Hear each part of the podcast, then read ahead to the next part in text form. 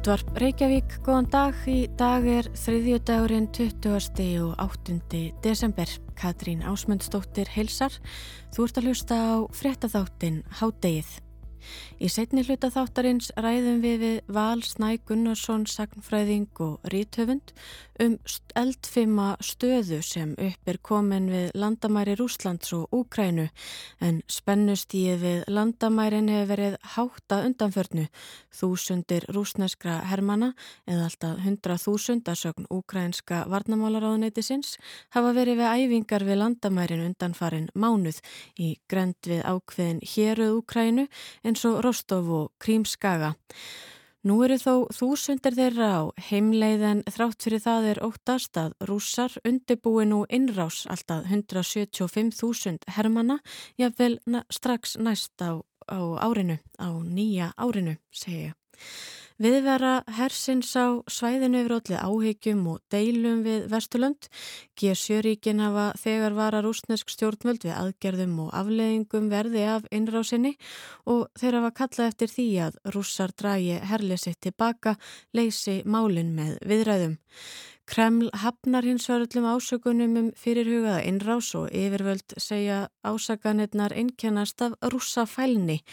Á sama tíma hefur Vladimir Putin rúslandsfósetti kallað eftir því að Allandsafs bandalægi dragi tilbaka herlið sín frá Íslandi, Lettlandi, Litáen og Pólandi og neyti nýjum ríkjum um aðild að NATO en þarlend stjórnvöld hafa kvartað yfir útvíkun Allandsafsbandalagsins til austurs og segja hann að ganga gegn lovorðum sem rússar fengu eftir fall Sovjetríkjana fyrir um 30 árum.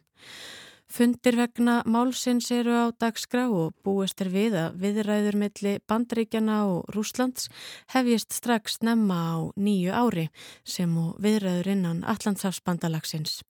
Við skoðum málið hér rétt á eftir frettir og berum það undir Valsnæ Gunnarsson.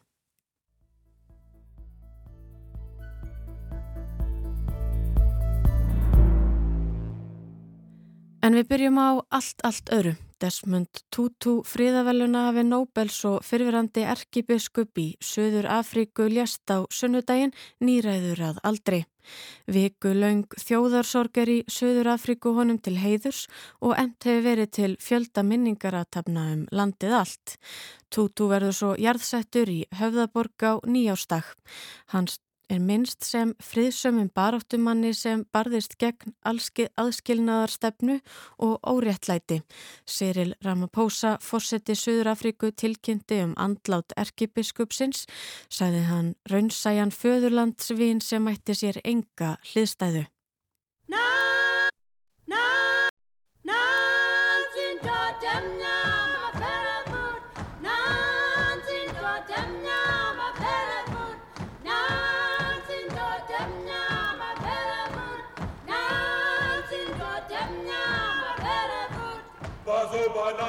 Desmond Tutu er einna helst þekktur fyrir baráttu sína gegn aðskilnaðarstefnunu í Suður Afriku á setni hluta síðustu aldar sem og önnur mannrettindamál sem hann barðist ötulega fyrir. Upphaflega langaði hann að læra til læknis en foreldrar hans höfði ekki tökka á að kostan til náms.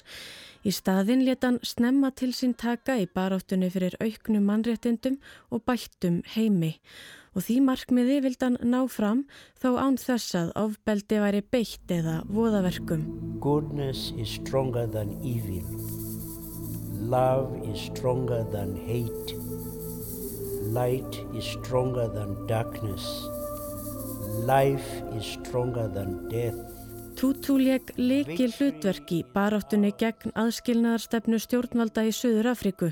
Hann hlaut fríðarverlun Nobels fyrir framlagsitt til baráttunar árið 1984 og sama ár var Tutu fyrsti svarti biskup Jóhannesaborgar. Tveimur árum síðar var þann svo fyrsti svarti erkibiskup landsins. Loks í byrjun árs 1990 eftir langa og stránga baráttu afléttu yfirvöld Suður Afríku banni gegn flokkum og samtökum sem börðust gegn stjórnvöldum og bóðuðu til kostninga. Fyrstu líðræðislegu kostningar Suður Afríku þar sem svartir og hvítir hafðu jafnan kostningarétt áttu sér svo staðárið 1994. Og þá loks kaus Desmond Tutu í fyrsta sinn. Hann saðist hafa upplifað reyna gleði þar sem hann smegði atkvæðasæli sínum í kjörkassan. Saði daginn vera merkan framfaradag allra íbúa Suður Afríku. Nú tæki ný Suður Afríka við land allra íbúa. Land þar sem öll þjóðin inni saman að því að tryggja hagsælt allra. It's an incredible day for all of our people.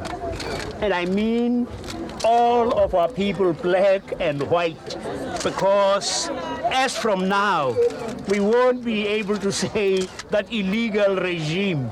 It'll be our government, and we will be committed to working for this new South Africa that has begun today.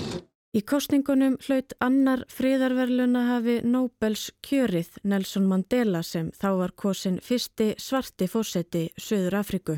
Friends, fellow South Africans, I ask you, welcome our brand new state president out of the box, Nelson Mandela! Mandela hafði þá setið inni í 27 ár vegna baráttu sinnar gegn aðskilnaðarstefnu Suður Afríska stjórnvalda.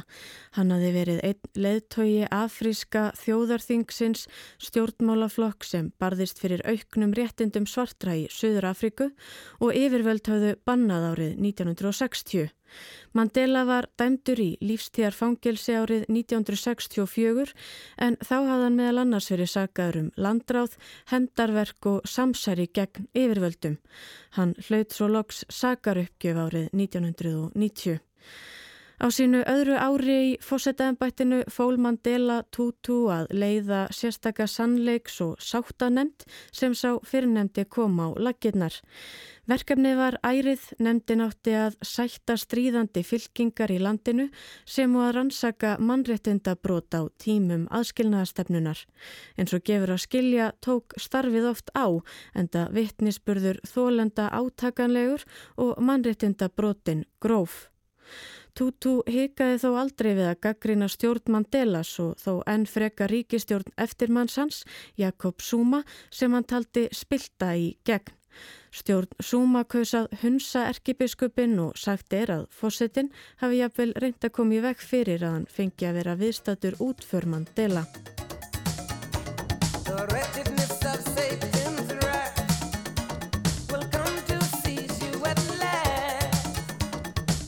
Á setni árum dró Desmond Tutu sig mjög í hlje. Hann hætti þó aldrei að berjast fyrir bættum heimi. Síðar á æfinu gerðist hann upplugur liðsmaður í baróttunni fyrir alþjóðlegu banni gegn kjarnorkuvopnum. Þá var þann ötull talsmaður dánaraðstóðar.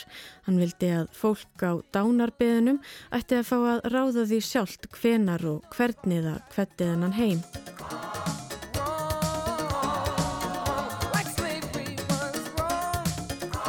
Tutu var vinamarkur og hafði auk þess áhrif á ótal marga og ótal margt á sinni æfi.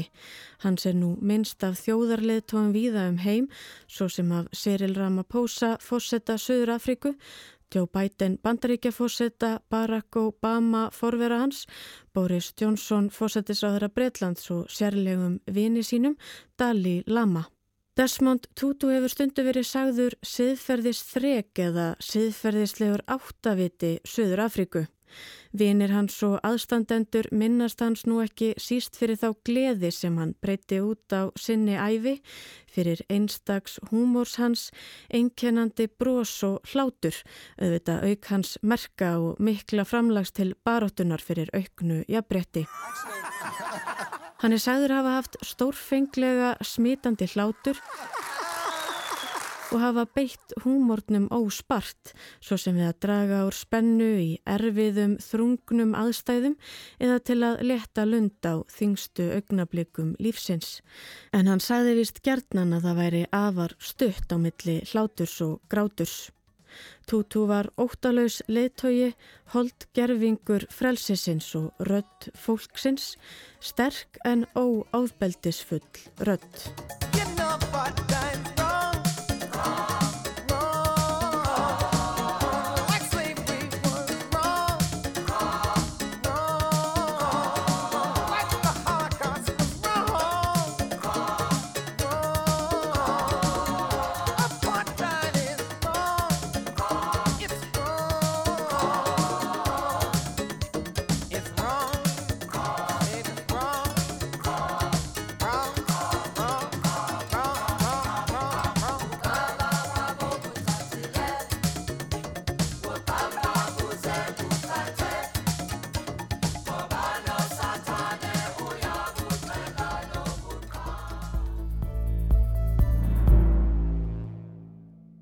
Spennustíð á landamærum Rúslands og Úkrænu hefur verið hátt á undanförnu. Þúsundir rúsneskra hermena eða alltaf hundrað þúsund að sögn varnamálaráðuneytis Úkrænu hafa verið við æfingar við landamærin undanfarin mánuð í grendi ákveðin héruð landsins eins og Rostov og Krímskaga sem rúsar innlimuðu árið 2014. Nú eru þó þúsundir þeirra á heimleið en þrátt fyrir það er óttast að rússar undirbúi nú innrás alltaf 175.000 hermana jafnvel strax á næsta ári. Viðvera hersins á svæðinu hefur allir áhyggjum og deilum við Vesturlönd. G7 ríkin hafa þegar vara rúsnesk stjórnvöld við aðgerðum og afleiðingum verði af innrás rúsneska hersins. Kallaður eftir því að rússar dragi herlið sitt tilbaka, leysi málinn með viðræðum og fylgi alþjóðlegum skuldbendingum um gegnsægi hernaðaraðgerða. Kreml hafnar hins vegar öllum ásökunum um fyrirhugaða innrás og segja ásakanirnar einkennast af rússafælni. Á sama tíma hefur Vladimir Putin Rúslandsfósetti kallað eftir því að Allandsafsbandalægið dragi tilbaka herlið sín frá Íslandi, Lettlandi, Litáen og Pólandi og neyti nýjum ríkjum um aðilda NATO óskiðu eftir því að gerast meðlemið bandalagsins. En þarlend stjórnvöld hafa kvartað yfir útvikun Allandsafsbandalagsins til austurs og sagt hann að ganga gegn lovorðum sem rúsar fengu eftir fall Sovjetríkjana fyrir 30 30 árum. Fundir vegna málsins eru á dagskrá og búist er við að viðræður milli bandaríkjana og Rúslands hefjist strax nefna á nýju ári sem og viðræður innan Allandsafsbandalagsins. Við bárum eldfima stöðuna undir Val Snæ Gunnarsson, sagfræðing og rithöfund.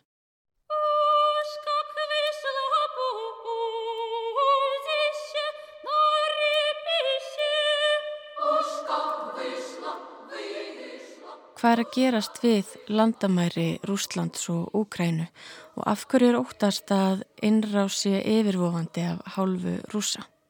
Sko ég held að innrás rúsa sé alveg út í lókur og af eina tveim ástæðum. Í fyrsta lagi þá er úkrænski hérinn sterkar heldur en það var uh, 2014 þegar að rúsar tókuðu krímskaga.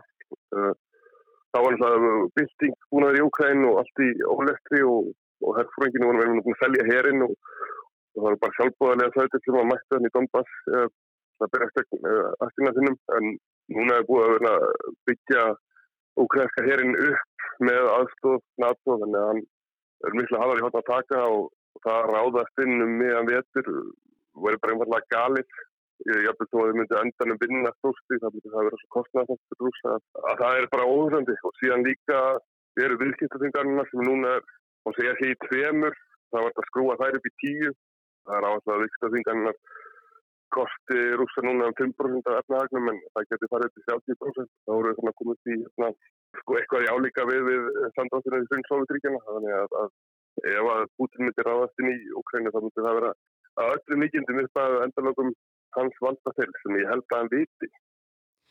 Heldur þetta séu þá í rauninni bara tilefnislausar áhyggjur og ef svo er, af hverju eru þeir tilkomnar?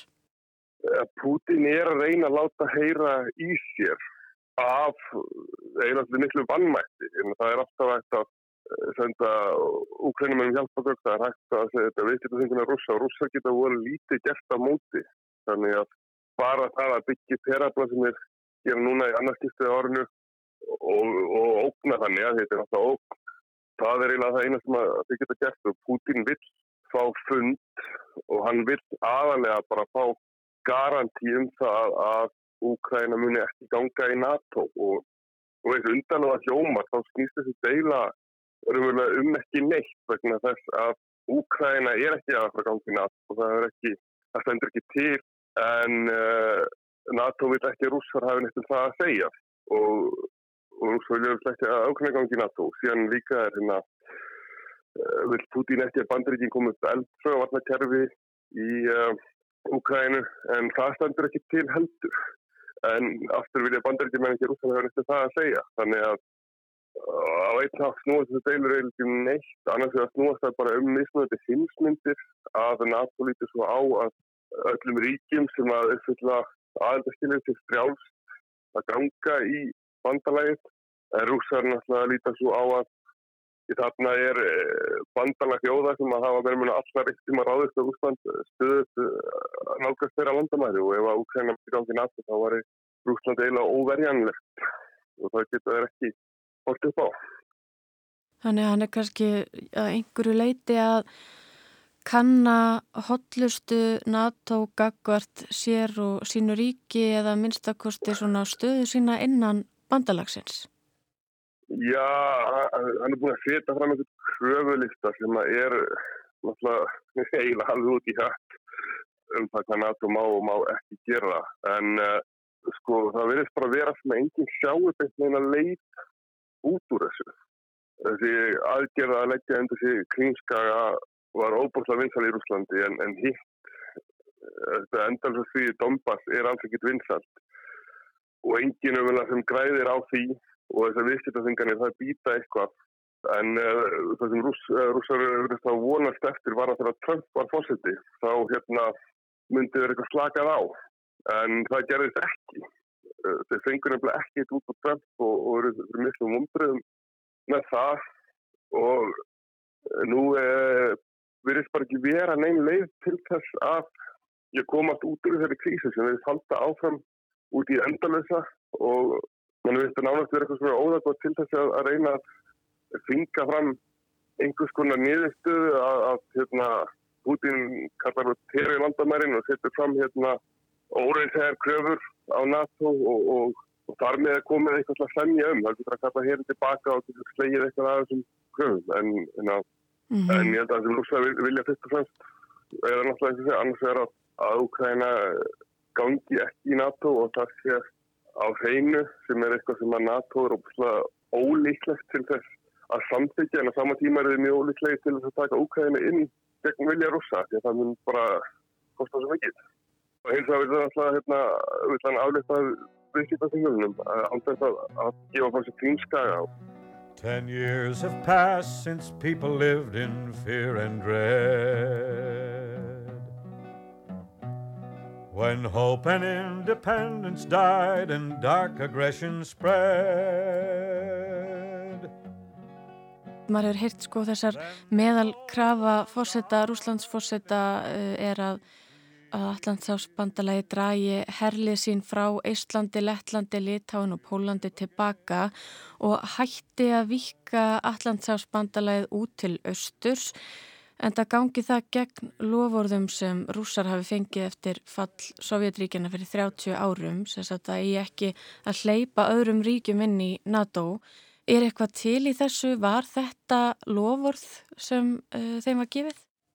Já, það er veginn í NATO vilji kannast við þetta en já, mér hefðist í minn eftir fyrir sínu tíma hérna, þegar við saminningu Þískaland þá hérna var rúsum mér ekki að lofa að þeir eru ekki NATO þessi sko í östu Þískaland hvað þá að, að NATO eru stakka til östurs en, en eftir þegar rúsa voru hérna upp á sitt uh, allra veikast á tíundu áratögnum þá var enginn að taka tillit til haksmuna þeirra og síðan þegar George W. Bush er að leggja bröga því að bjóða Georgi og Ukræni í bandalagi þá þá fær Putin nóg og sér hinga ekki lengra og það verður stríðið Georgi og síðan í Ukrænu. En, uh, en þetta er náttúrulega floknara líka vegna þess að þegar að Ukræna var sjálfstætt þá var það kernokkuveldi og talsverður hluti vopnabúr Sovjetríkjana var í Ukrænu en uh, þeir aðhenda rússum kernokkusprengjurnar allar gegn því að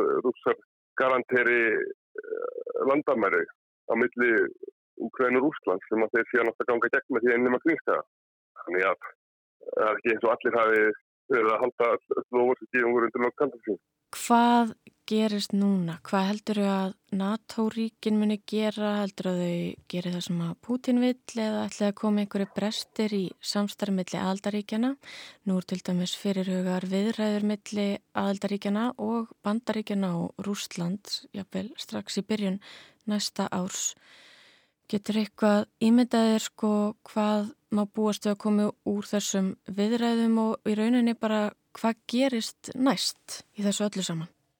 Man finnst þú eiginlega líklegt að ekkit óbúslega mikið gerist að þetta haldi áfram bara í einhvers konar sjálfheldu um, að því að, að, að það verðist enginn beint finna neina auðvitað út úr þessu síðan líka verðist vera að Silenski í Ukraínafórseti sem að þegar maður kosin fyrir um með tömur árum síðan þá var það þá neila að finna frið með, með öllum hugsanlegum ráðum og, og eh, einbetta hér að, að berast ekki spillingu en það er ekki svo illa að berast ekki spillinguna en það er búin að einbetta hér að hérna, stríðin í staðin og, og, og þetta stríð er, er í Donbass er, er Ukraínumennum mikið hjartans mál en ekki svo mikið hjá rúsum þannig að Já, vonandi finna menn einhver leiður þessu sjálfheldi með samninga viðræðmenn en ég held að sína okkur ljóst hvað þurfum við að gera.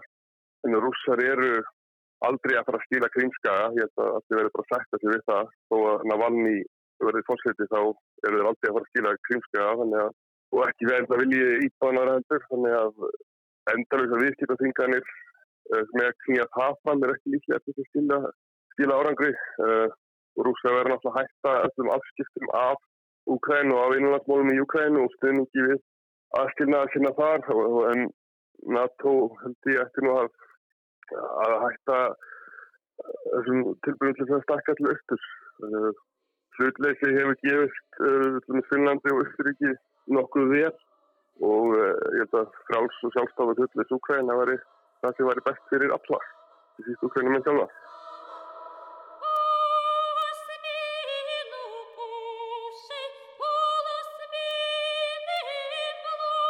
Það er eins og einn eldri kona sagði mér í Ukraínu en áður voru við ekki í NATO og það er friður og nú erum við ekki í NATO og það er stríð. Þannig að hvað hefur verið ánist með þetta saman.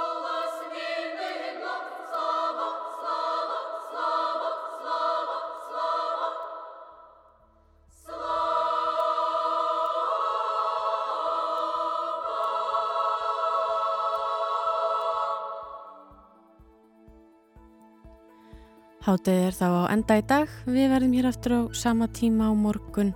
Það er alltaf eitt að senda okkur post með ábendingum og netfangið hátegið hjá rúf.is.